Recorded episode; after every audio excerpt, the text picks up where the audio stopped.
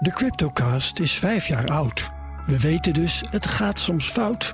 Dat is hier steeds weer voorgekoud. Maar wie zijn crypto altijd houdt, als was het elektronisch goud, dan daar zijn strategie op bouwt. Te lang dit. Luister gewoon naar de Cryptocast. Elke dinsdag crypto nieuws op BNR.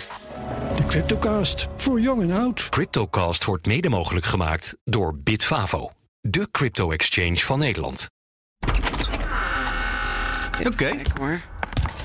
Ehm, Zit je nog in je telefoon te kijken, Sophie? eh, ik zat gewoon even een paar feiten eh, nog even te checken. Over wat? Nee, hoe het nou staat met die cijfers van stikstof. Het was dus op sommige plekken 70 tot 80 procent. Hè? Maar dan heb je het dus over die plekken in... eh, dat was het NRC-artikel ook. En het plan van Jetten. Maar dat moest ik even... Dat betekent dus eh, bij de PO, geloof ik. Hè? En bij, eh, bij de Veluwe. Eigenlijk wisten we dat toch al. Maar goed, het is wat, misschien nog meer dan we dachten of zo. Dan moeten ze maar even Ja. aan Dirk vragen. Gaan we straks doen. Ja. En Dirk is? Eh, sorry, meneer Boswijk. Meneer Boswijk. Generaal Boswijk. Oh, is serieus? Ja, ja, Generaal zelfs. Ja, op radio moet je altijd inderdaad met netjes praten, ja. Ja.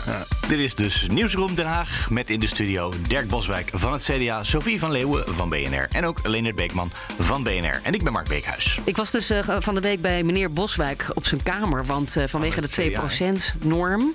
En de defensie, historisch eh, moment. Voor het eerst sinds de Koude Oorlog. En toen zag ik een schilderij, schilderij op uw kamer hangen. Ja. Van generaal Boswijk. Ja, ongelooflijk. Ja. Ja, en leg even uit, wie, wie is die man? Was die niet fout in Indonesië? Nee, nee, nee. Oh, oh, oh, oh. ik, dat is een ander verhaal. Ik heb een, eh, een, mijn opa heeft eh, in Indonesië en, en Nederlands-Indië... Dat was wel in eh, Indonesië, dat dacht ik al. Ja, ja klopt. Die was planter daar. Dus, En die is uiteindelijk in die begin jaren 50 heeft hij moeten vluchten. En generaal Boswijk is inderdaad iemand, een, een, een, een zijtak van die kant. Ehm, eh, een broer van mijn opa. Van mijn overgrootopa moet ik zeggen. En die was ehm kolonel in de, net voor de Tweede Wereldoorlog. En die is uiteindelijk afgezwaaid als, als generaal. Ehm, en die hangt inderdaad een foto in mijn, eh, in mijn kamer van die Westerman. Oh, dus hij was niet verantwoordelijk voor de capitulatie, gelukkig. Nee, nee, daar was hij niet verantwoordelijk dagen. voor. Nee, nee, nee, nee, nee, zeker niet. Maar al zou dat wel zo zijn geweest, zou ik er nog steeds heel erg trots op zijn geweest. Want ehm, ja, de Nederlandse militair, ondanks dat het na, na een paar dagen al voorbij was, hebben we daar natuurlijk wel echt enorm verzet eh, eh, getoond. We hadden.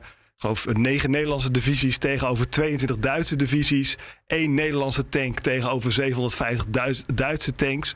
Dus we hebben het toen eigenlijk ontzettend goed gedaan. Maar als je dan nu Oekraïne ziet, die ook gewoon eigenlijk een kansloze strijd voeren. eh, voeren. Eh, Moet dat langzaamaan ons eigen beeld voor die eer paar dagen in mei toen niet herzien worden? Als we over de politiek van deze week praten hoor. Nou, nee, het is wel, er zitten zeker wel parallellen in, eh, in, in eh, de eerste da- meidagen en de eerste dagen in, eh, in Oekraïne. hè. We hebben natuurlijk de beelden bij Kiev gezien van het vliegveld. Ja. zo was de eerste dagen in mei het vliegveld bij Den Haag. Landden de Duitsers toen ook. En die werden daar toch wel verdreven door de Nederlanders meerdere keren. Ehm, het is alleen pas echt fout gegaan dat de Duitsers natuurlijk uiteindelijk Rotterdam gingen bombarderen. En daarna het dreigde om ook Utrecht te gaan bombarderen. Dat het uiteindelijk voor eh, ja, de Nederlandse strijdkrachten wel voldoende was. Of de, de regering moet ik zeggen. Ja. Ja, en, en in Oekraïne ja, gaan ze toch echt wel helemaal tot het gaatje. En ehm, nou ja, goed. Ja, dat is Ja, wij zouden Mariupol hier niet geaccepteerd hebben. Hè? Zo helemaal plat bombarderen. Nou, kijk, het is eh, voor een deel. Het, het- ik kan het natuurlijk niet helemaal vergelijken, maar voor een deel is het waar. Kijk, de, de, de, de Russische en de Oekraïnse mentaliteit is er wel eentje die eh, vrij berucht is. hè. De, de, de Russen bijvoorbeeld in 1812, maar ook in 1941 zijn bereid om de helft van hun land in de fik te steken. Eh, en, en capituleren niet. Dus, En 30.000 man te verliezen, mogelijk. ja, Nu- dus- nu ja, al. Precies. Dus dat, dat zijn natuurlijk hele andere eh, ja, aantallen en een hele andere ja, insteek als wat wij in, in het Westen hebben. En ik zag dus dat schilderij en toen begreep ik dat eigenlijk Dirk Boswijk van het CDA zo'n roeping heeft gemist. Dat je Ja, ook klopt. wel militair had willen worden, of, Maar- of generaal natuurlijk. Nou, mijn beroeps, beroeps mijn, eh, mijn, mijn, mijn, mijn jongensdroom was eh, beroepsmilitair worden. Ehm, en dat heb ik eigenlijk gehad totdat ik me helemaal door het VMBO heb gesleept. Ik had een hekel aan school. Ehm, en toen ik eindelijk die keuze kon maken naar een schakel, ja, want ik was net te jong om direct bij Defensie in te stromen.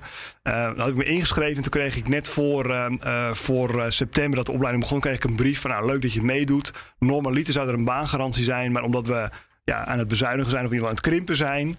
Uh, dat is door mijn voorgangers uh, Balkenende onder andere, uh, kabinetten Balkenende, um, is dat beroeps, um, um, nou dat je sowieso een, een, een, een, garantie hebt dat je binnenkomt, die is er niet meer. Alleen als je een, een vrouw of met een migratieachtergrond, ja, ik was daar zo gefrustreerd over. Dus ik heb toen met mijn ogen dicht een, maar een andere opleiding gekozen. En het is MBO bouwkunde geworden. Maar dit is, dit is dus je kans.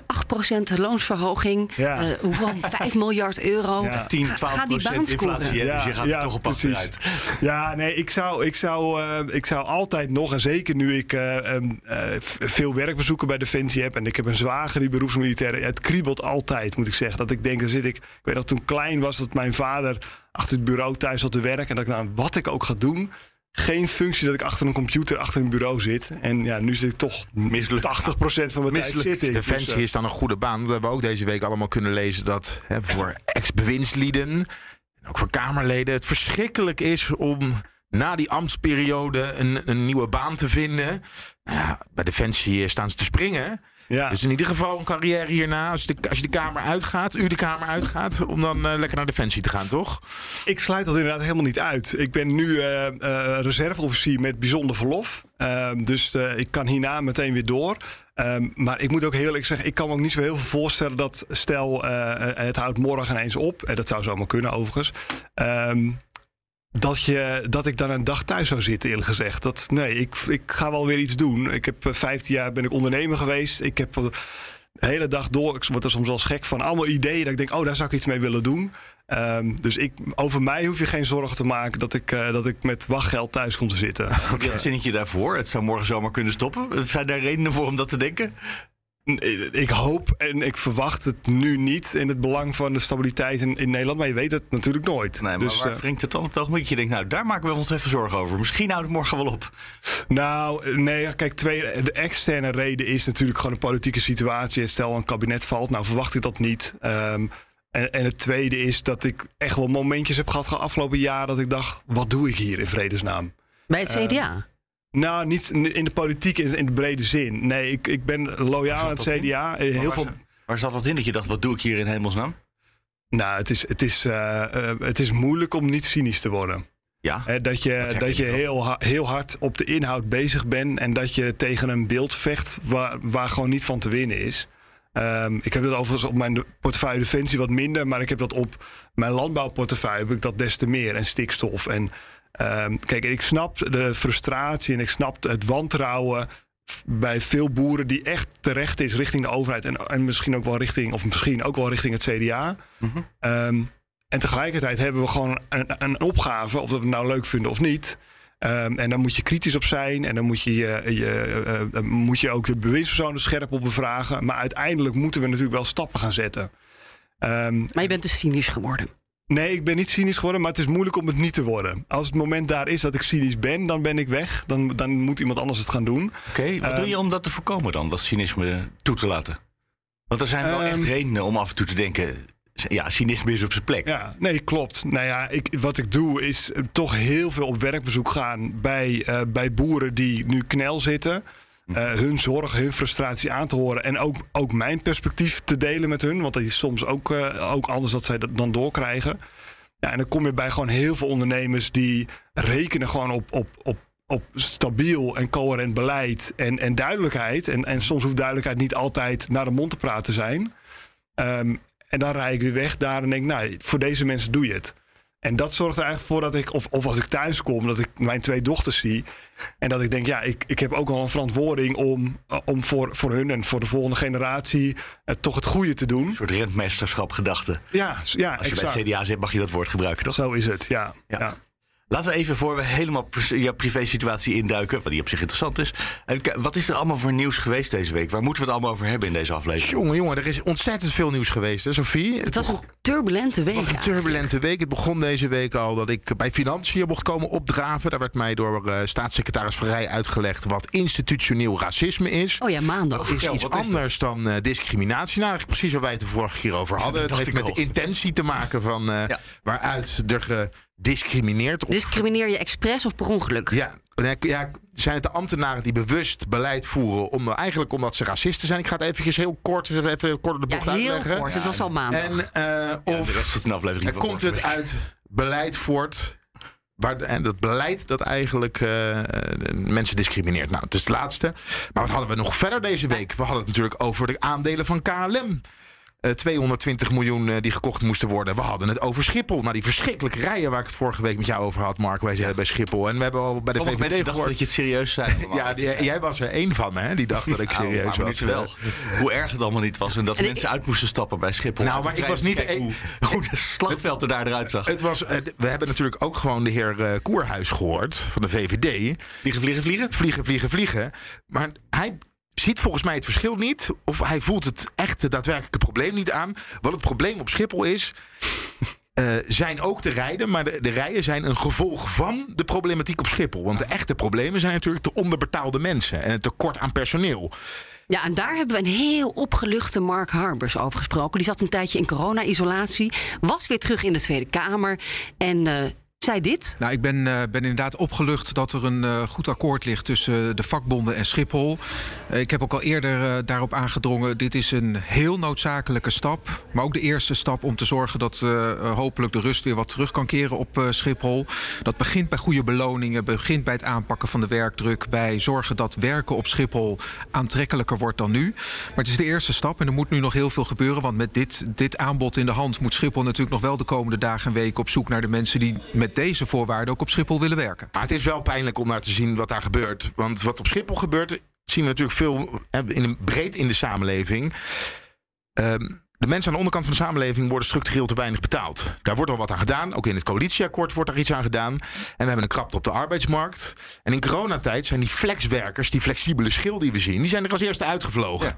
Die hebben ander werk gevonden. Nou, in het geval van Schiphol werd het voorbeeld gebruikt. Die zijn bijvoorbeeld gaan rijden in de busjes van de Albert Heijn. Wat blijkt, krijg je 4,5 tot 5 euro per uur meer, meer. Sta je niet de hele dag met koffers in je nek. Uh, in de regen of in de kou of in, uh, in, uh, in de hitte. Ja, beter werk voor meer geld. Beter werk voor meer. En die willen niet meer terugkomen. Nee, nou, ik neem het ze niet kwalijk.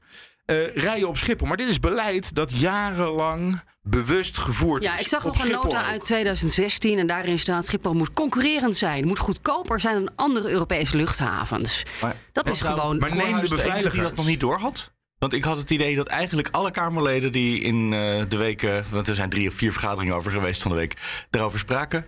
Dat eigenlijk iedereen wel door had, dit is niet goed. Maar Koerhuis hoorde ik zeggen, nou dan doen we gewoon de vliegtuigen voortaan vanaf Eelde. Toen ben ik even gaan kijken. Uh, vanaf hier, dit adres, naar daar. Dat is drie uur met het openbaar vervoer. Dus dan heb je niet vijf uur in de rij bij Schiphol.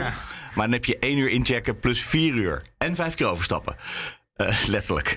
Uh, en ik had het idee dat hij de enige was die dat nog niet helemaal door had wat hij allemaal voorstelde. En de rest stelde hij voor dat het allemaal ten koste moest gaan van mijn. Uh, dat ik niet mocht slapen. Resultaat is in ieder geval dat Schiphol nu misschien wel de duurste luchthaven van Europa wordt. Maar wel Serieus? Want het is nu echt by far de goedkoopste. Ja, maar we worden dus misschien het duurst, zegt Harbus. Maar daar krijg je nou kwaliteit voor terug. Hè? Ja. Of je misschien nog maar heel kort in de rij te staan. Nou, we gaan het zien deze zomer of het lukt om de mensen terug te halen. Dat is de grootste bottleneck. Ook bij Defensie trouwens ging het deze week over. Je kunt ze meer betalen, 8%, 20%. Maar krijg je die mensen überhaupt aan het werk? Nou, dat is de grote vraag. Het heel lastig worden. Het was ook wel een beetje de grote kop in het zand show was het in de Tweede Kamer. Want het was beleid vanuit het ministerie om in ieder geval te sturen op concurrentie. We moeten snel groeien, we moeten een hub worden. En we moeten kunnen concurreren met goedkope luchthavens in de rest van Europa. Was gewoon beleid.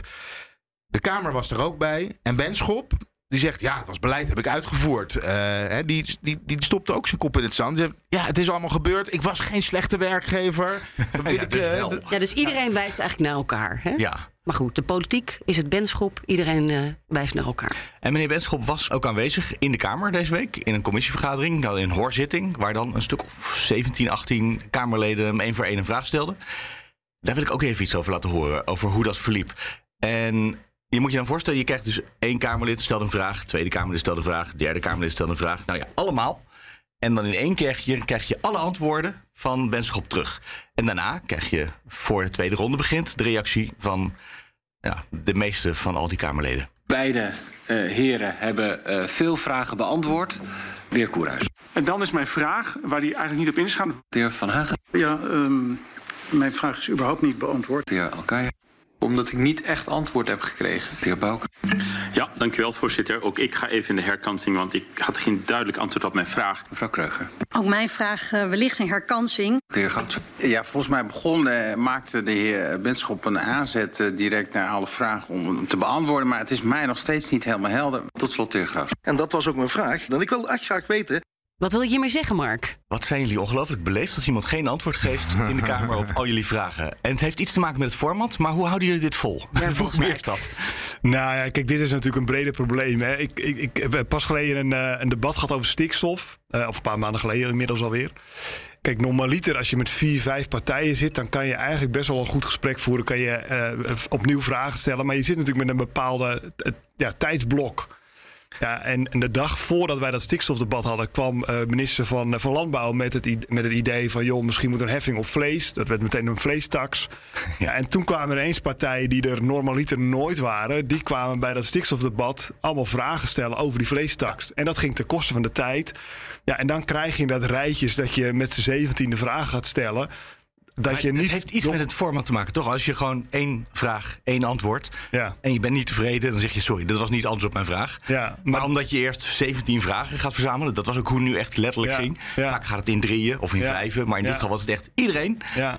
Dan zorg je er toch ook voor als Kamer dat je gewoon geen antwoord krijgt op de vragen die je stelt. Waarom doen jullie dat? Nee, maar het probleem is een beetje dat als je het niet op die manier doet, hè, waar ik het ook, wat ook natuurlijk niet werkt, maar als je het niet op die manier doet, dan gaan uh, uh, sommige mensen zeuren van ja, hij heeft nu al drie vervolgvragen gesteld en zometeen kom ik niet aan de beurt. Krijg je dat weer?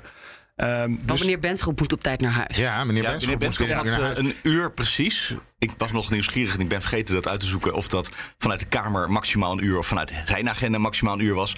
Het leek mij, als hij het bedacht had, een hele strategisch handige zet. Want dat betekent dat de Kamer gewoon een uur heeft... om geen antwoorden te krijgen. Ja. Wat we net hoorden. Ja. Nee, ja, wat er dus... gebeurde, Benschop had zijn verhaal klaar. Die had... Ja. Die heeft helemaal niet naar de vragen geluisterd. Nee, die heeft zijn verhaal nog een keer verteld. Die heeft verhaal nog een keer verteld. Daarbij kwam die binnen met we hebben een akkoord, maar we kunnen er niet al te veel over vertellen. Dus daarmee was de angel ook direct uit het, uh, uit de, net zo'n ronde nou. tafel, technische briefing was die angel was eruit getrokken. Want nou, wacht ja, maar dat op morgen. Je, maar ik zou als Kamerlid, maar goed, ik ben ook niet geschikt misschien voor dat vak, niet geaccepteerd hebben dat er iemand tegenover me zit, twee mensen die samen een deal hebben gesloten die hebben besloten om mij vandaag in een hoorzitting in de Tweede Kamer, de hoogste orgaan in Nederland, even niet bij te praten. Het was wel heel. Caroline van der, van der Plas lette echt op. Dat was op dat moment eventjes het slimste meisje van de klas. Want die vergelijking werd gemaakt met de Albert Heijn. Bij de Albert Heijn kan je 4,5 eh, euro tot 5 euro meer verdienen. Waarop zij er vingertje opstak en zei: Kan ik daaruit opmaken dat jullie nu een deal gesloten hebben. waar in ieder geval 5 euro erbij komt voor het personeel? En dat bleek ook zo te zijn. Ja, 5 euro en een kwartje. Ja, ja. Maar, nou ja, voor de zomer, want het is eigenlijk 1,40 euro. Ja, alleen voor de oude Foxen zwak aan dat. Uh, want wat er gebeurt. Je, je kunt gewoon een vakantiebaantje nemen. Hebben ze, nu, ze hebben het nu druk. Ja. Zometeen is de drukte voorbij. Dan gaat die flexibele, flexibele schilder weer uit. Ja. Dan zitten ze nog steeds met weinig personeel. Staan ze daar op de platform. Uh, die, die tassen uit het vliegtuig te halen. En wat ook nog wel uh, over die concurrentiepositie. Wat Schiphol gedaan heeft, is dat ze verschillende bedrijfjes hebben ze uh, bijvoorbeeld de beveiliging aan uitbesteed. Het zijn er wel vier of vijf. Die concurreren met elkaar. En de afgelopen 13, 14 jaar is het salaris van 3500 euro ja. naar 2400 euro gegaan. Ja, ja vind je, nou, dat is, eigenlijk is het ongelooflijk. Ongelooflijk dat dat heeft dat we denken dat we het opgelost hebben. Ja. Zullen we nog even naar de, de grote frustratie deze week over gas, olie, energie? Was ook de week van de nieuwe sancties, het zesde sanctiepakket. Mhm. En dat zorgt ook wel voor onrust in de Kamer. En ook bij de achterbannen, denk ik. Uh, onder andere PVV. Uh, eh, die schreeuwen 30, 30 cent eraf in Duitsland op 1 juni. Benzine. Benzineprijs aan de pomp. Uh, dat leidt tot een ja, massaal grenstoerisme. veel ophef daarover. Duitsland heeft morgen al de benzineprijs verlaagd. België heeft uh, dat al lang gedaan. Dus ja, als je dan niet meegaat en al die problemen die je op de hals haalt hierdoor, met het enorme verschil. Mensen kunnen straks weet ik het hoeveel gaan rijden, boodschappen doen in Duitsland. En ik gun mensen dat, want ik zou dat ook doen. Maar het is natuurlijk zo slecht voor ons land. Dus wat, uh, het is zo onverstandig dat de Nederlandse regering weigert om op zijn minst in overleg met de buurlanden de benzineprijs hier te verlagen. Het is, nou, ik vind het werkelijk, uh, ik vind het gewoon uh, ontzettend slecht regeringsbeleid. Wij hebben België, we hebben Duitsland, we kunnen nog naar Luxemburg rijden. Mensen zijn misschien wel bereid om naar Polen te rijden om goedkoop aan sigaretten te kopen, komen. Dus dan moeten we ook kijken naar van hoe gaan we dat Europees doen. Want anders krijg je naast vuurwerktoerisme en benzinetoerisme krijg je ook sigarettentoerisme.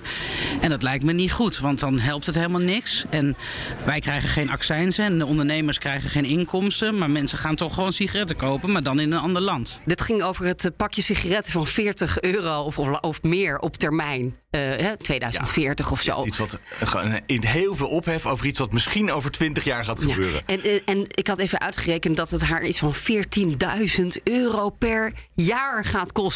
Mevrouw, uh, nou ja, van de Plas. zoveel? Eén uh, pakje per dag. Serieus, ja. Dus dat over het grenstoerisme. Nog maar ja, meer... tegen die tijd, want dan is de inflatie, dan, dan verdien je al zoveel meer inmiddels. Ja, te, tenzij je bij de bagageafhandeling werkt. Want nou, misschien ook wel. Uh, misschien nog eventjes naar uh, Hans Velbrief. Ja, moeten naar gas moeten we toe. Want dat was natuurlijk ook het issue deze week. Uh, gaat die gaskraan in Groningen nou eindelijk open? Rutte in Groningen gesignaleerd op, op tournee. Ja, en waarom is de discussie nu? Hè? Gazprom levert geen gas meer aan Gasterra. 2 miljard kuub en gas dat nu niet geleverd gaat worden. En wat dan opvallend is, is dat zowel Jette, minister voor Klimaat, als uh, het energiebedrijf, Gasterra, zeggen: maakt u zich geen zorgen. Nou, ik heb even met VNO-NCW gebeld. Want maakt u zich geen zorgen, de huishoudens, daar blijft, uh, daar blijft de kachel wel branden. Maar het uiterste middel is misschien bedrijven afsluiten. Nou, dan maak je zich bij VNO-NCW ernstige zorgen over. Want er wordt net gedaan alsof het geen enkel probleem is. We ja. zetten de fabriek wel eventjes uit. Dus de druk op vuilbrief neemt met de dag toe. Zet die gaskraan nou open. En toen, gisteren was hij zwaar geïrriteerd in debat hierover met de Kamer. Um, ja, wilde hij dat nog één keer eventjes heel duidelijk maken. En ik ga nog één keer heel duidelijk zijn. Nog één keer heel helder zeggen. Het is onveilig om gas te winnen in Groningen. Dat zegt niet ik, maar dat zegt het staatstoezicht op de mijnen. Het is onveilig. En daar kan geen geld tegenop. En geld maakt het ook niet veiliger. Wat ik me afvroeg, want er wordt steeds gezegd: gas uit Groningen, dat is de allerlaatste optie. Maar als je dan zo'n vraag, want die werd, kwam in het debat gisteren ook naar voren. Zullen we daarvoor eerst fabrieken uitzetten? Of bedoelen we eerst toch nog gas uit Groningen en daarna de fabrieken pas uitzetten? Daar kwam niet echt een antwoord op, hè? Nou ja, ik, ik moet eerlijk zeggen, ik vind dat een hele terechte vraag. Want ik heb in mijn portefeuille onder andere glastuinbouw zitten. Nou, daar ga je op. Die Uh, hebben best wel veel gas nodig. Die, ja, en, en daar staan nu al heel veel uh, kassen gewoon al leeg. En dan is de winter nog niet eens begonnen. Ja, omdat het te duur is, hè? Om dit jaar gewoon, ja, te het, werken. het loont inderdaad niet meer. En, um, dus wij hebben daar toevallig van de, deze week ook een debat over aangevraagd. Met...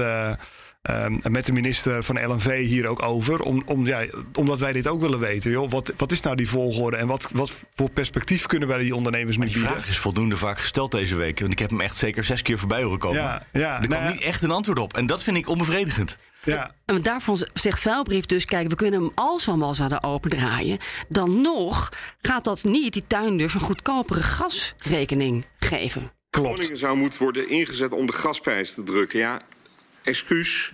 Maar de gasprijs is een wereldmarktprijs. Echt, of je in Groningen gas wint of niet, maakt niet uit voor de gasprijs. Ik zeg het nog één keer in de camera. Het maakt niet uit. Als u dat nou allemaal zou willen opschrijven, dan uh, komen we misschien een keer van deze fictie af. Dat komt omdat de gasmarkt een hele grote markt is. En voor de economen onder de luisteraars, dat betekent dat alle andere aanbieders of vragers hoeveelheidsaanpassers zijn. Die passen hun hoeveelheden aan, maar ze hebben geen invloed op de prijs. Dus de gasprijs wordt bepaald op de wereldmarkt. Nou, meneer Bosmeijer, daar heb je dus helemaal niks. Dit is een, een heel terecht punt dat je inderdaad niet um, uh, het wereldprobleem kan oplossen. We zien dat namelijk ook op graan. Uh, ik hoor heel veel mensen zeggen: joh, al die stikstof- en klimaatplannen overboord. En wij gaan in Nederland uh, graan oogsten om dat gat in Oekraïne. Nou, dat ga je qua hoeveelheden nooit redden. Maar. Um, de, de, de, de, de voedsel- of de hongersnood die er nu aan zit in het Midden-Oosten en in Afrika is niet omdat er niet voldoende graan is. Dat is omdat er wordt gespeculeerd op de wereldmarkt um, uh, um, met dat graan. Waardoor het graan gewoon te duur wordt in sommige landen. Dus je kan het. Uh, ja, of je moet inderdaad echt fysiek dat gat gaan opvullen in Oekraïne. En je dumpt dat ineens op die markt. Ja, dan heeft dat invloed. Um, maar nou ja, het is nou echt een beetje een illusie om te denken dat wij daar nou ineens uh, het verschil in kunnen gaan maken. Dat het gewoon ja, toch een, toch een doorgeschoten globalisme is. En daar kan je nog wel een discussie over. Hoe wenselijk is dat nog dat wij als, als continenten zo ontzettend afhankelijk van elkaar zijn? En, en ik denk dat dat nu eh, de afgelopen 70 jaar dat we heel succesvol beleid hebben gehad. eh, waardoor we heel veel welvaart hebben gehad. Maar dat waar we nu de keerzijde zien, dat we super kwetsbaar zijn. En dat er als een stront aan de knikker is, dat je niet zo heel veel knoppen hebt waar je aan kan draaien. Maar het is wel zo dat je als staat daarmee binnenloopt met, met eh, gas verkopen. Die, als je toch ook daar een aandeel in hebt. En daarmee kun je dan weer steun geven aan de glastuinbouw bijvoorbeeld. Ja, nee, dat is een terecht punt. Is inderdaad, als je, kijk, het is om je, om je gas nu te exporteren. En theoretisch gezien zou je kunnen zeggen, we gaan nu extreem oppompen. Eh, zoals je natuurlijk met Rusland ook ziet, hè, wij kunnen heel stoer. En ik, ik vind het goed dat we dat doen. Hè, met, die, met die boycott en die sancties. Ehm, en dan kan je denken, ja, dat raakt Rusland heel erg. En tegelijkertijd, doordat dus die prijzen stijgen en Rusland exporteert naar andere landen, onder andere China, is dat gat soms niet eens zo heel groot. En op de lange termijn ja, is het ook misschien wel zorgelijk dat Rusland nog veel eh, eh, minder afhankelijk wordt van Europa. En dus op termijn misschien nog veel serieuzere dingen kan doen. En zijn gat wel opvult met andere landen. Hè, het grootste deel van, van de wereld eh, heeft geen eh, sancties tegen Rusland. Nou ja, daar is voor hun ook alweer een markt. En geholpen door die hogere prijzen eh, ja, compenseert dat vanzelf. Zal ik even een bruggetje maken naar stikstof? Want we moeten namelijk met de hoge... Dat kan allebei vanaf hier. Nee, laten, we, hem- laten we hem doen naar stikstof. Want eh, de, we moeten gaan verduurzamen omdat er minder gas is. We willen minder afhankelijk zijn van Russisch gas. Dus kwam bijvoorbeeld Hugo de Jonge met een plan om eh, ze in 2030 eh, in ieder geval ervoor te zorgen dat we eh, de, de huizen isoleren, aan de warmtepomp gaan. Maar minister Jette kwam ook met een soort klimaatagenda waarbij hij de ministers achter de broek aan ging zitten om ervoor te zorgen dat die daadwerkelijk reductie van het uitstoot van CO2 ook daadwerkelijk gerealiseerd wordt. Ja. Alleen daar is, hebben ze twee problemen. Eentje daarvan is de arbeidsmarkt en de ander haha, stikstof. Stikstof gaat de boel in de weg zitten. We zullen vanuit alle sectoren de stikstofuitstoot moeten verminderen. Dat gaat om industrie, het gaat om mobiliteit, maar het gaat ook om de landbouwsector. Soms voelen boeren dat niet zo. Hè? Die denken, wij worden als schuldig aangewezen. Een groot deel van het debat gaat natuurlijk over de impact van, van landbouw en dan in het bijzonder de veestapel. Dus ik snap echt die emotie ook, eh, ook bij boeren. En daarom is het belangrijk ook dat we ehm, zo'n groot fonds hebben om ook te investeren in nou, de voedselproductie van de toekomst. En daarmee ook boeren weer perspectief te geven. Ja, ook in de Nederlandse economie is het natuurlijk een hele belangrijke sector. Eh, en daarom eh, ehm, ja, goed dat minister Van der Wal samen met minister Staghouwer van Landbouw eh, binnenkort ook die plannen presenteert. Ik denk dat, dat klimaat en stikstof samen, dat is wel echt een grote verbouwing van Nederland eh, in de komende tien jaar. Grote verbouwing. Ja, wat zegt hij nou allemaal? Grote verbouwing. Ik hoor allemaal hele grote woorden, maar wat bedoelt hij nou precies? Nee, volgens mij hebben we dit al vaker gehoord in Den Haag. Maar ik weet niet hoor, Dirk Boswijk, eh, wat, wat was het nieuws? Ja, ik hoorde op zich niet heel veel nieuws. Ik vond het wel goed dat, dat eh, minister Jette van D66 heel expliciet ook nog aangaf dat het niet alleen de agrarische sector is die aan de, aan de lat staat, dat alle sectoren aan de lat staan. Ehm, en dat we ook de agrariër juist gaan helpen met die transitie. Dus ja, niet heel plat gezegd, we jagen de boeren het land uit, wat een beetje het frame is. Ehm, maar dat we wel moeten onderkennen dat het, het systeem zoals we dat niet nu hebben, dat dat ja, niet duurzaam is. Of in ieder niet duurzaam genoeg is. Maar dit is een D66-minister die zegt, eigenlijk zegt hij toch, joh, koop die boeren uit. We hebben miljarden op de plank. en ja. dat gaan we regelen, meneer Boswijk. Ja, ja. Dat Ja, gaan we nu doen. Je gaat het stikstofprobleem niet oplossen, eh, sec met alleen opkoop. Ehm, ehm, je kan ook heel veel doen met innovatie. Ehm, is dat waar? Moeten we niet dat gewoon is- de, de volgorde omdraaien? Zeggen, zo gauw die innovatie er is, dan kan je doen wat je wil. Maar tot die tijd hebben we het er gewoon niet over. Nee, die innovatie is er namelijk al. Zijn we nu qua stikstof minder intensief dan pak een bij 10, 20, 30 jaar terug?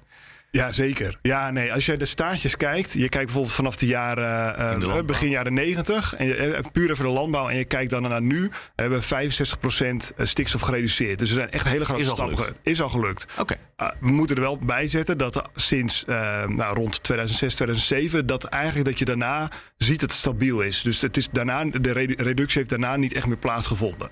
Ehm, maar er zijn wel innovaties. Is dat omdat het einde gewoon er is? Of omdat er gewoon geen geld meer was voor innovatie? Omdat we gewoon financiële crisis en dat soort dingen hadden? Ehm, dat die reductie die in eerste instantie is, eh, is gereduceerd, is vooral dat wij mest zijn gaan injecteren. Hè. Dus vroeger werd het op het land gegooid en dan eh, nou, had je meteen emissies. Precies. En nu, eh, nu injecteren we in de grond. Eh, dus wordt dat stikstof ook meteen opgenomen.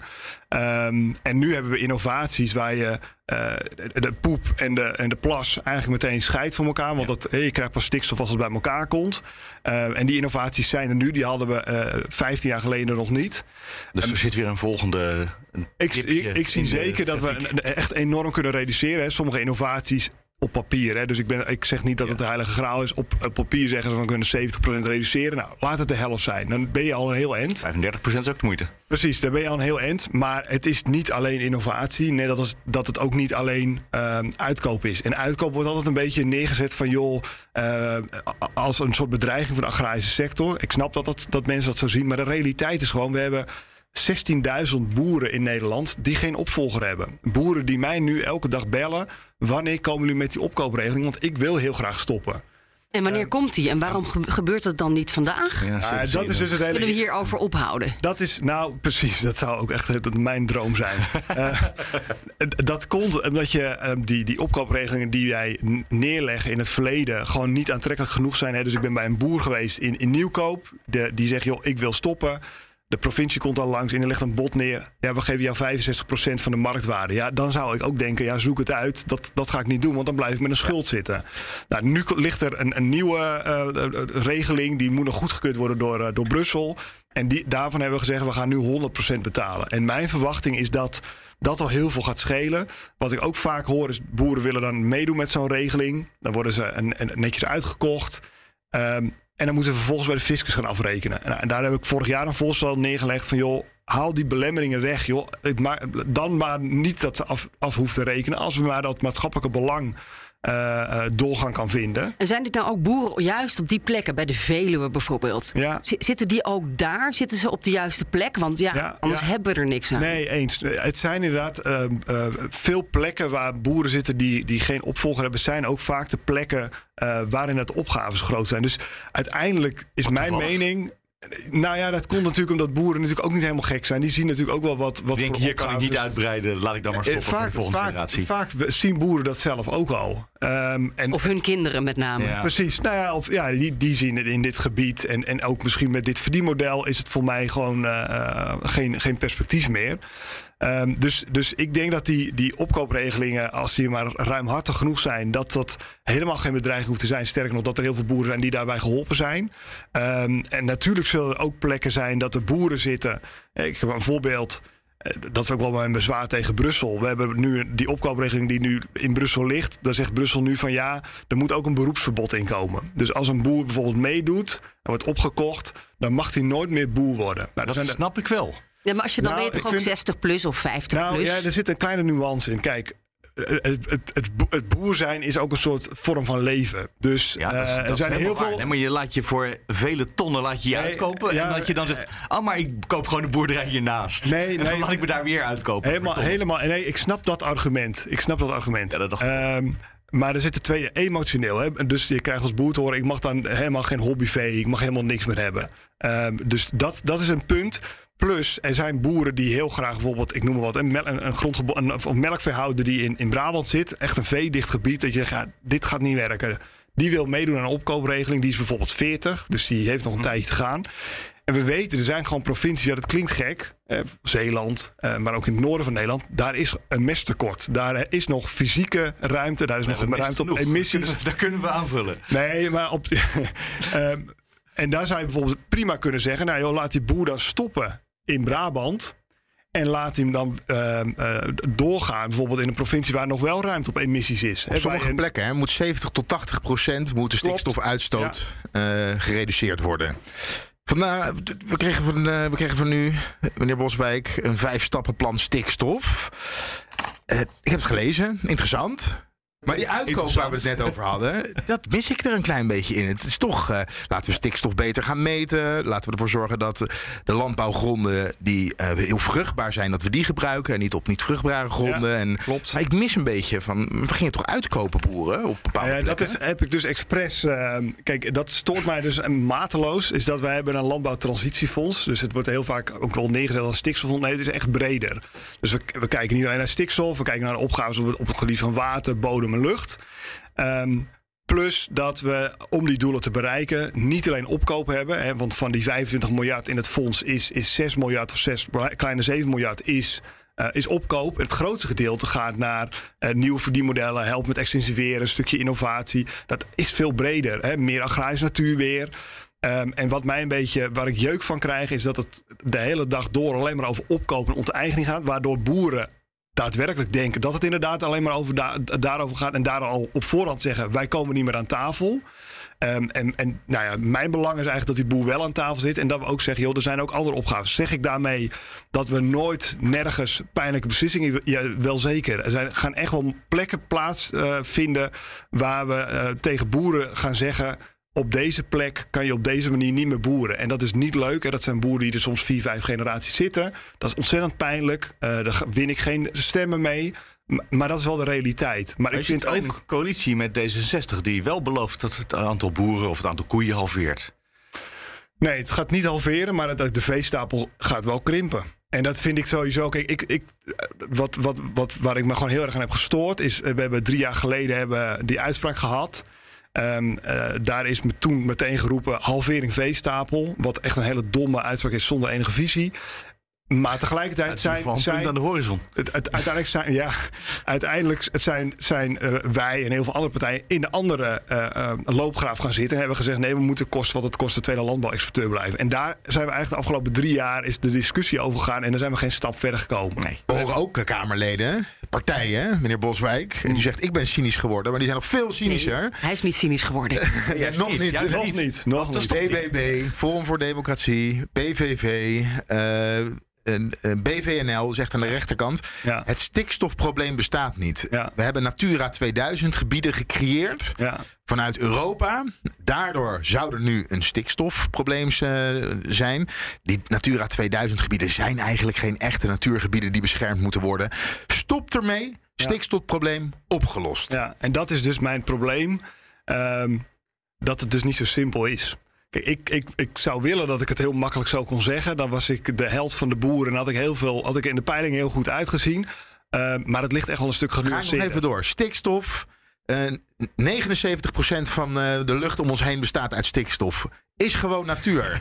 Waarom zou je daar zorgen over maken? Nou, allereerst, eh, ik, ik, over het aanwijzen van Natura 2000 gebiedjes eh, zeg ik ook van ja, is het inderdaad verstandig geweest dat wij toen 162 gebieden in zo'n klein land hebben aangewezen? Was het niet beter geweest dat je vijf, zes serieuze natuurgebieden die robuust waren en daardoor ook minder Ja, kwetsbaar want die Natura 2000 gebieden die moeten we beschermen. Ja, dus, en het goed, was, het, dat is te laat. Is dat is, nou ja, weet je, dat is, dat is gebeurd. En dan hoor ik heel vaak mensen: ga terug naar Brussel om dat recht te zeggen. En dan zegt Brussel: we willen er best naar gaan kijken. Maar het feit is gewoon: jullie, jullie scoren op waterkwaliteit de slechtste, op luchtkwaliteit slecht. Ga dat eerst doen en dan gaan we ooit nog wel een keer kijken. Dus Oh. zo reëel. Ja, maar wat, weet je, we hebben nu ook een discussie over derogatie, een vrijstelling daarop te krijgen. Dat, dat je iets meer mes mag uit. toch ook weer zo'n moeilijk woord. Nou ja, dat je iets meer mes mag uitrijden op je land. En daar, eh, eh, daar, daar vragen wij elke keer een vrijstelling voor. Die gesprekken lopen nu. En het is echt nog maar de vraag dat we die krijgen. Dus de mensen die zeggen: je gaat naar Brussel om die natuurgebiedjes te skippen. zeg ik ook: oh ja, maar kijk even hoe het nu met derogatie gaat. Dat gaat ook niet automatisch. Maar er valt wel ik- over Ik zit nog even te denken, naar die, dat, want we- je hebt het nu over uitstoot uit het buitenland wat we hier meetellen. Maar als je een weg, een snelweg aanlegt, Ja. dan meten we tot vijf kilometer. En verderop komt het niet volgens Ja. onze computermodellen. Ja. Ja. Waarom vinden we dan, als het uit België dit land inwaait, vinden we het dan wel stikstof? Ja. Hoe werkt dat? Het, het is. ehm, hoe, hoe wij het uiteindelijk hebben proberen op te lossen toen die uitspraak eh, kwam, is. Geen uitspraak heb je Wij, ja, we hebben nee, over de uitspraak van de, de, de pas-uitspraak in eh, mei eh, 2019. Toen is er heel snel gezocht naar een manier hoe kunnen wij inderdaad zorgen dat we de vergunningverlening weer op, op gang krijgen. En met name de infrastructuur. En is het toch, ja, zijn er best wat kunstgrepen gedaan. Van joh, als we dan inderdaad in die vijf kilometer doen en daarna is het er tussen aanhalingstekens niet meer. Eh, nou is het natuurlijk wel een- waar dat het meeste stikstof vrij lokaal Het meeste is al vlak vast hier vlak naast Precies, dus maar is- er waait ook heel veel weg, want het komt niet voor niks vanuit Duitsland helemaal Klopt. hierheen. Ja. Dus dat is echt meer dan vijf kilometer. Ja, klopt. De- Er is toen zijn gewoon heel veel geitenpaadjes gezocht om die, eh, um, om die vergunningverlening weer op gang te krijgen. En tegelijkertijd, dat zien we natuurlijk ook in de uitspraak van de rechter, die zegt gewoon: eh, je moet zorgen dat die natuur niet verslechtert. Ehm, en daardoor moet je onder andere, hè, niet alleen maar onder andere stikstof reduceren. Ja, zolang je dat niet serieus doet, blijven we in die, in die klem zitten. Dus we moeten die stikstof gaan reduceren. Dus we moeten eh, serieus met innovatie aan de gang. We moeten met die opkoop aan de gang. Ehm, en we moeten ook in de natuurgebieden echt gaan kijken... Joh, wat is die kwaliteit van de natuur? En mag ik daar één vraag over stellen? Ik las iets over dat jullie eh, satellieten willen inzetten om eh, te meten. Klopt dat? Nou, ik, ik, ik ben erg voor, voor meer meten. Niet, want dat is wel. ik hoor ook de, de andere partijen, de Forum, BVNL en, en BBB, die zeggen wij willen meer meten, want wij vertrouwen het niet. Ehm, ik zit er wel anders in. Ik, ik denk dat we meer moeten gaan meten eh, om het model beter te valideren. Ehm, dus ik, ik, ik, ik geloof echt wel dat er lokaal grote verschillen kunnen zijn. Maar uiteindelijk gaat, gaat het meer meten niet zeggen er is geen stikstofprobleem meer. Sterker nog, ik denk dat als we in sommige gebieden meer gaan meten, dat we tot de conclusie komen: het is hier nog meer alle hens aan dekken dan we dachten. Maar ik vind wel dat je het meer meten kan bijdragen aan de bewustwording van, van de betrokken partijen, dus van de industrie, van de boeren. Dat we oké, dit is inderdaad een opgave. En kan het ook meer kwalificeren van wat is nou die staat van die natuur. Dat je daar ook meer, want nu discussiëren heel erg om nog op basis van een model. Ehm, ehm, maar een model heeft ook niet altijd de waarheid. Het, is, het, het model, het is een versimpeling van de werkelijkheid. Exact. Om, maar- er, om het werkbaar te maken met de beste bedoelingen. Nou, Ja. je formuleert het echt supergoed. Ik, ik maak heel vaak het vergelijk met, met de buienradar. Dan zeg ik, joh, we hebben allemaal wel eens een keer uh, gebarbecued op een zondag. Het zou droog blijven en ineens ging het regenen. Ik zeg, ja, wil je het nog beter doen... dan zou je heel veel regenmeters neer mo- moeten gaan zetten... en dan weet je het echt. Maar dat gaat, eh, het gaat niet totaal een andere realiteit formuleren. Ik vind wel, je moet het model verder aanscherpen... en dat kan je door meer metingen te doen. Maar ik wil niet zeggen, totdat we meer metingen hebben gaan... gaan we helemaal niks doen. En dat is wel een ander uitgangspunt... dan veel andere partijen zeggen... we moeten meer gaan meten en tot die tijd gaan we niks doen. Ehm, en waarom zijn we inderdaad zo intensief geworden? Omdat het telkens efficiënter moet, want het moest telkens goedkoper. We moesten concurreren op de wereldmarkt. Ja, en, en dat is toch een model ehm, ja, wat niet houdbaar is. En, dat, en het probleem zijn, we hebben 70 jaar aan gebouwd. Dat ga je niet even in een jaar ehm, eh, omdraaien. Dus nou ja. Mag ik een politieke vraag eh, stellen? Want eh, Altijd. misschien Ja, hebben we de politieke podcast kan dat gewoon, Sofie. Echt. Nou, dit is wel fijn in- inhoud en ik leer er wat van. En over, nou ja, binnen drie jaar hebben we verkiezingen. Eh, denk je dat, dat ehm, hè, ook als CDA, dat je die kunt winnen met wat we dan hebben bereikt? Ja. Is, is het probleem dan opgelost? Want dat is wel belangrijk voor Ja. jullie, eh, als je kijkt naar de huidige peilingen, dat je dan Oh, een je maakt goed verhaal heel hebt. hard ineens. Ja. Nee, Dat ja. het CDA overeind blijft, wel of niet met de stikstof. Nee, maar ik bedoel, je wilt Nee. het probleem oplossen, maar je moet het ook wel snel doen. Want eh, jullie staan er niet zo goed voor eh, eh, op, in de peilingen. Ja. Dus, ehm, en, en eh, gaat dat lukken dan in die korte periode? Ja, en, nee, ja, da- daar maak ik me ook wel zorgen over, eerlijk gezegd. Kijk, als ik voor de, eh, heel simpel, als ik voor de, voor de korte termijn zou moeten gaan, ehm, dan zou ik lekker in het makkelijke frame moeten gaan. Eh, ze snappen het allemaal niet in Den Haag. Er is geen stikstofprobleem. Ehm, eh, dat. Maar je hebt toch drie jaar? Ehm, en daarom is mijn hoop, ik, ik, ik denk dat drie jaar. Dat, drie jaar nee, Dat kan toch wel? Nee, de provincies moeten volgend jaar met een plan komen. Ja. 2023, dan hebben we nog twee jaar. Ja. Nou ja, weet je, ik, wat, ik, wat ik gewoon probeer te doen. En, en kijk, nogmaals, het CDA is niet. Wat wordt heel graag. Ja, jullie zijn de boerenpartij. Nee, we zijn een partij, een volkspartij. Daar zijn boeren een heel belangrijk onderdeel in. Ehm, maar dat, dat betekent ook, vind ik, dat we. ehm, eh, het eerlijke en soms het wat minder leuke verhaal moeten vertellen. Maar wat we het net hebben over het boeren en het CDA... is misschien de opkomst van de BBB wat dat betreft een soort verademing voor het CDA. Dat je niet meer per se de boeren hoeft binnen te halen... Want die hebben al een ander huis. En dat je dus een andere plek kan zoeken waar je je kiezers kan vinden. Ja, ik, ik snap dat je het zegt. Verzinnend ter plek hoor. Ja, nee, maar ik, ik, eh, zo voelt dat eerlijk gezegd niet. Ehm, want ik kom bij, bij heel veel boeren, waar heel veel boeren eh, soms generaties langs eh, CDA gezet en nu overgestapt zijn naar BBB. Ehm, ja, dat, dat doet mij wel wat. Dat vind ik heel, heel frustrerend. Ehm, ook omdat ik heel eerlijk gezegd gewoon nog niet heb gehoord na een jaar tijd wat, eh, welke constructieve andere voorstellen er liggen. Dus ehm, en dat gaat mij wel aan het hart. Dat ik denk, ja, al die Plas, mensen. Die stelt hele goede vragen, maar komt niet Nou, per se met ik- goede ideeën. Ja, het hoeft niet op de man, maar. Nou, nee, ik ga het niet op de man als de vrouw, maar eh, weet je, uiteindelijk vind ik als, als, als, als politiek heb je de verantwoording om, de, om, de, om het kabinet te controleren. Hè, moet je vooral kritische vragen stellen. Ehm, ehm, maar uiteindelijk moet je ook zelf met ideeën komen en zelf met voorstellen komen. En dan moet je ook met voorstellen komen waarvan je denkt: oké, hier kan ik een meerderheid van. Ik kan heel de dag door moties in gaan dienen met het om het resultaat te delen op Twitter. Van kijk, dit zijn allemaal sukkels, die snappen het niet en ik wel. Ik denk uiteindelijk dat, het, dat onze rol in de politiek is ook Tuurlijk je eigen boodschap. En dan gaan kijken hoe kan ik meer dan de helft van de 150 zetels erachter krijgen. Uh, want daar heeft de boer uiteindelijk wat aan. En dat is misschien niet 100% wat hij wil, maar dat kunnen we allemaal niet. Hè. Ik ben niet een, een. Ik ben geen belangenbehartiger hier. Ik moet belangen afwegen. En dat vind ik. Dat is het ik grote snap helemaal wat je zegt. En tegelijk denk ik de marketing van de BBB werkt wel beter dan Supergoed. CDA op het ja, helemaal eens. Ook Ja, al is het via moties waar niemand op zit te wachten. Super, super ja, dat heel behendig doen ze dat. En heel efficiënt. Dat zou CDA Ja. ook een beetje moeten doen dan. Ja, nee, dat ga ik Voor niet jullie. doen. Nee, nee. Maar wat ik heb in 2019 veel met boeren gesproken. Hè, toen de stikstofcrisis op het hoogtepunt was. Toen ook massaal boeren naar het Malieveld gingen. En wat ik bij de boeren merkte is dat er zitten... Het zou veel te makkelijk zijn te zeggen... alle boeren die trekken zich niks aan van het stikstofprobleem. Ontkennen dat er een probleem is. Ja. Maar wat het probleem bij de boeren op dat moment... Hè, wat boeren denk ik nog steeds zo voelen... is dat ze als schuldigen aangewezen worden. En dat zie je ook terug in jouw vijf-stappenplan. Boeren hebben enorm veel geïnvesteerd de afgelopen jaren. Ook om hun aandeel te hebben in de reductie van het stikstofprobleem.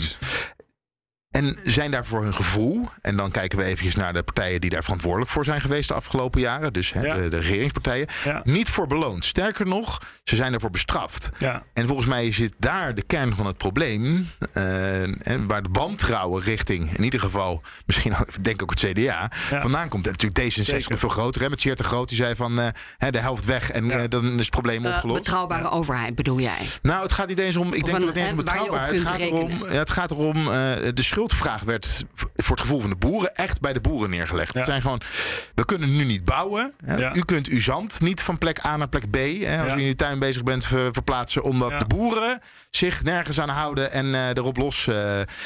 Eh, en dan ben je dus een, ben je een boer die niet rond kan komen. Ik ken toevallig de laatste veehouder in Leiden. En ik, ik heb weer Leiden genoemd in de podcast. Ja, dat is heel goed. hè. Ja, Minstens ja, één Sophie keer zit, eh, alweer nee Ik, eh, ik ken hem ook. Ja, Niet Wilbert van der Post. Leiden. Ik ken hem, ja. Ja, maar Wilbert van der Post. Dan gaan we, gaan we even het vo- voorbeeld geven van Wilbert van der Post. Die kan eigenlijk net aan rondkomen met zijn boerenbedrijf.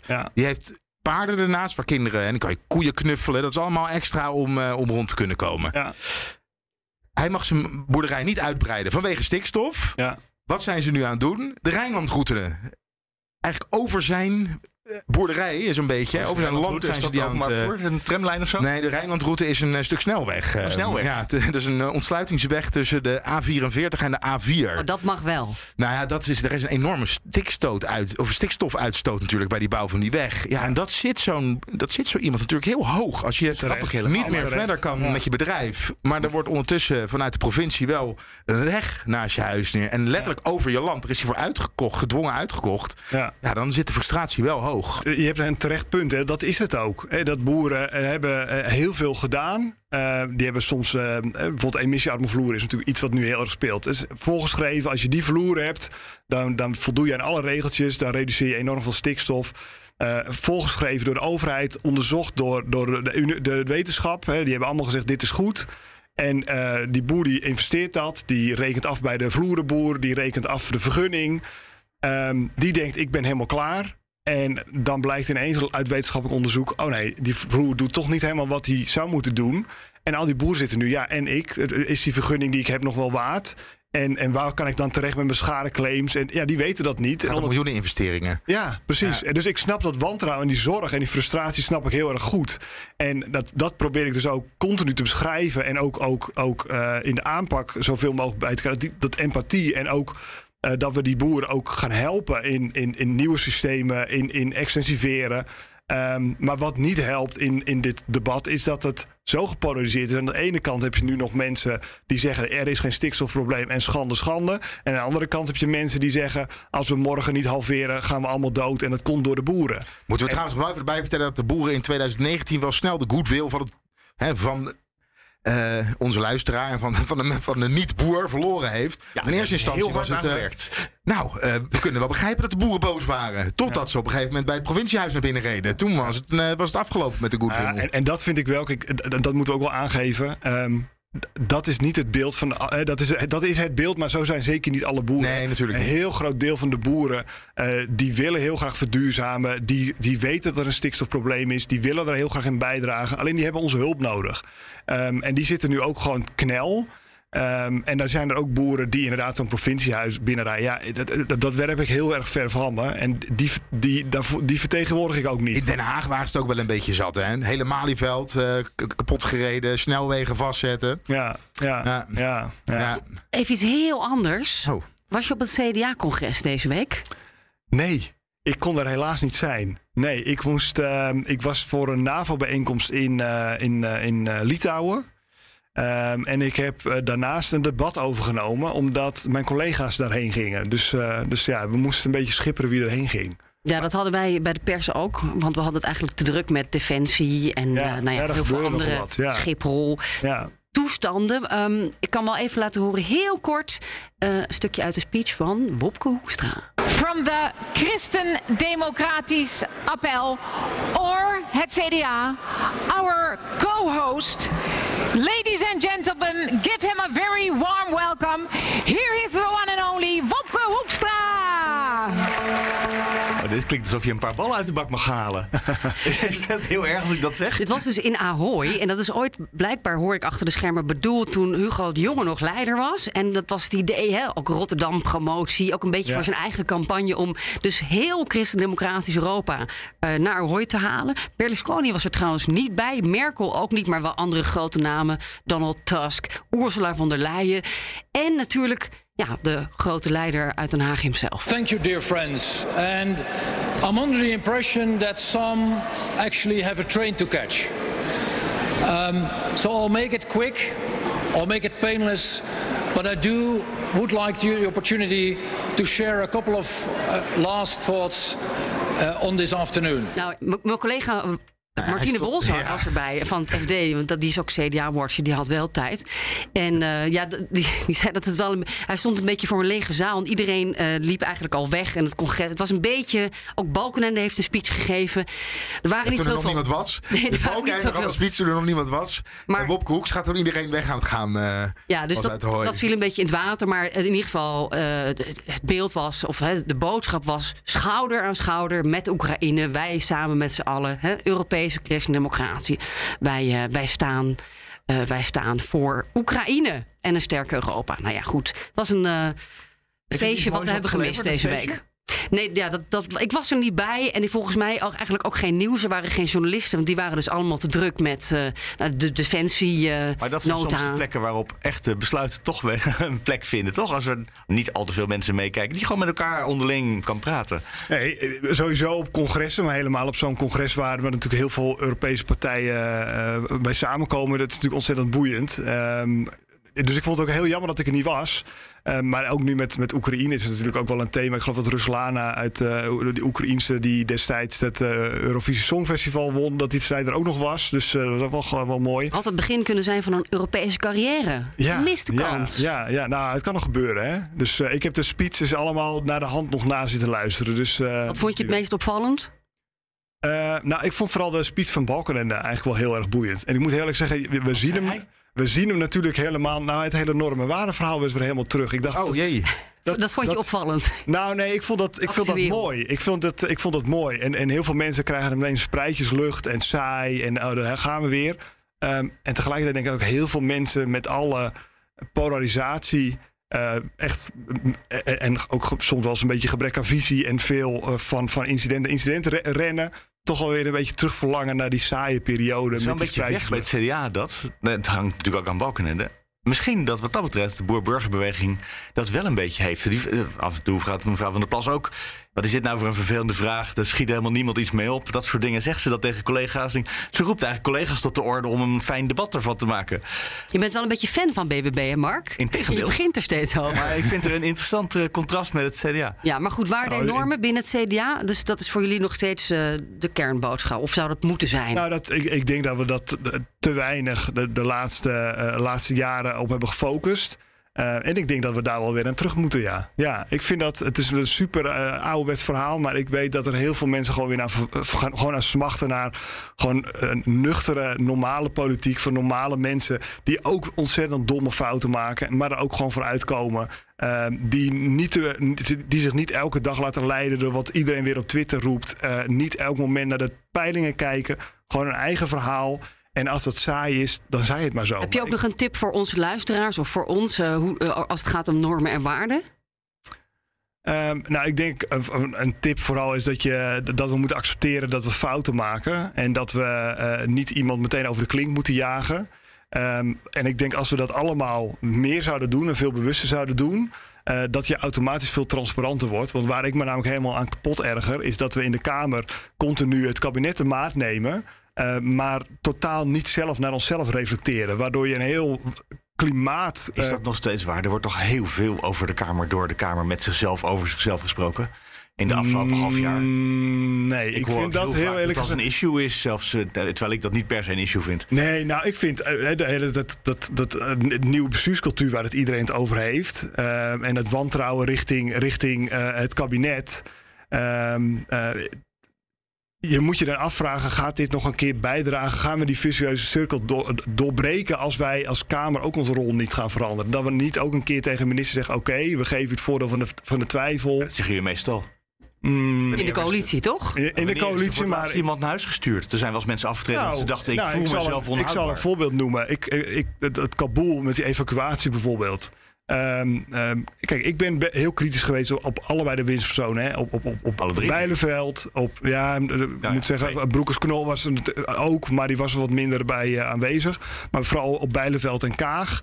En ik heb de hele tijd eh, gefocust op de inhoud. Hoe kunnen we nou zorgen dat zoveel mogelijk mensen daar geëvacueerd konden, konden worden? Dus ook gewoon kunnen, gekeken, wel, hoe kunnen we bijdragen en dat die ministers hun werk eh, goed gaan doen. En, en er zijn echt fouten gemaakt, hè? laten we wel wezen.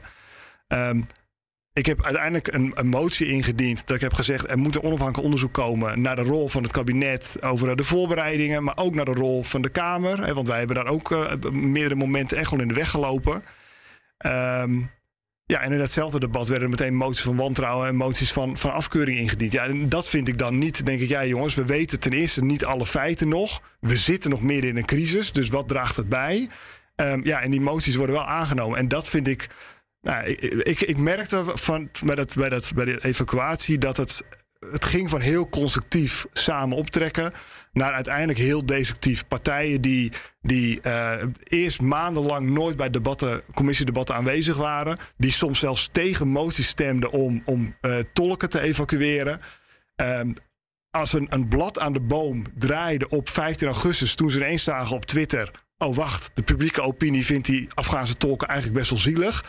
Toen ineens opriepen: er moet nu een spoeddebat komen en er moet een vliegtuig naar Kabul om die mensen te evacueren, waar ze eerst tegen waren. Ehm, en dan vervolgens ook nog later een motie van wantrouwen gaan steunen, omdat die evacuatie niet goed is gegaan, waar ze het eerst nog tegen waren. En dat aan de lopende band. En dat, dat vind ik heel frustrerend. We zijn al over het uur, dus ik denk dat we binnenkort gaan afronden. Maar nu je dit zegt, moet ik nog wel even vragen: ga je kijken naar Borgen? Aflevering 2 heet namelijk: Je hebt één standpunt, tot je een ander standpunt hebt. Heel dat is precies wat je net beschrijft. Heel eerlijk, ik heb, het, eh, ik, ik heb nog geen aflevering van gezien. Nog niet één? Nee, nee. Ik heb Oh, alleen House of Cards destijds. Ja, dus, Meneer Boswijk zit in zijn vrije tijd nog naar eh congresspeeches te luisteren waar hij niet bij was. ja, dan blijft ja. er weinig tijd Ja, klopt, over. eh. klopt. Wanneer komt dat onderzoek eigenlijk naar Kabul? Eh, be- begin volgend jaar. Ja, dus we hebben nog, eh, moeten nog even in spanning afwachten. Ja. Oké. Wordt vervolgd. Wordt vervolgd, net als deze podcast. Over een week weer, denk ik, op vrijdag. Weer een nieuwe aflevering van het Nieuwsroom Den Haag. Dankjewel, Top Boswijk van het. CDA. Dankjewel, Sophie en Leonard. Tot volgende week. Dat is wel een Leuk dat je er was. Dank. Ja, leuk.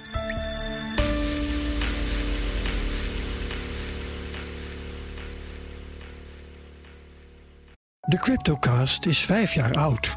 We weten dus, het gaat soms fout. Dat is hier steeds weer voorgekoud. Maar wie zijn crypto altijd houdt, als was het elektronisch goud, dan daar zijn strategie op bouwt.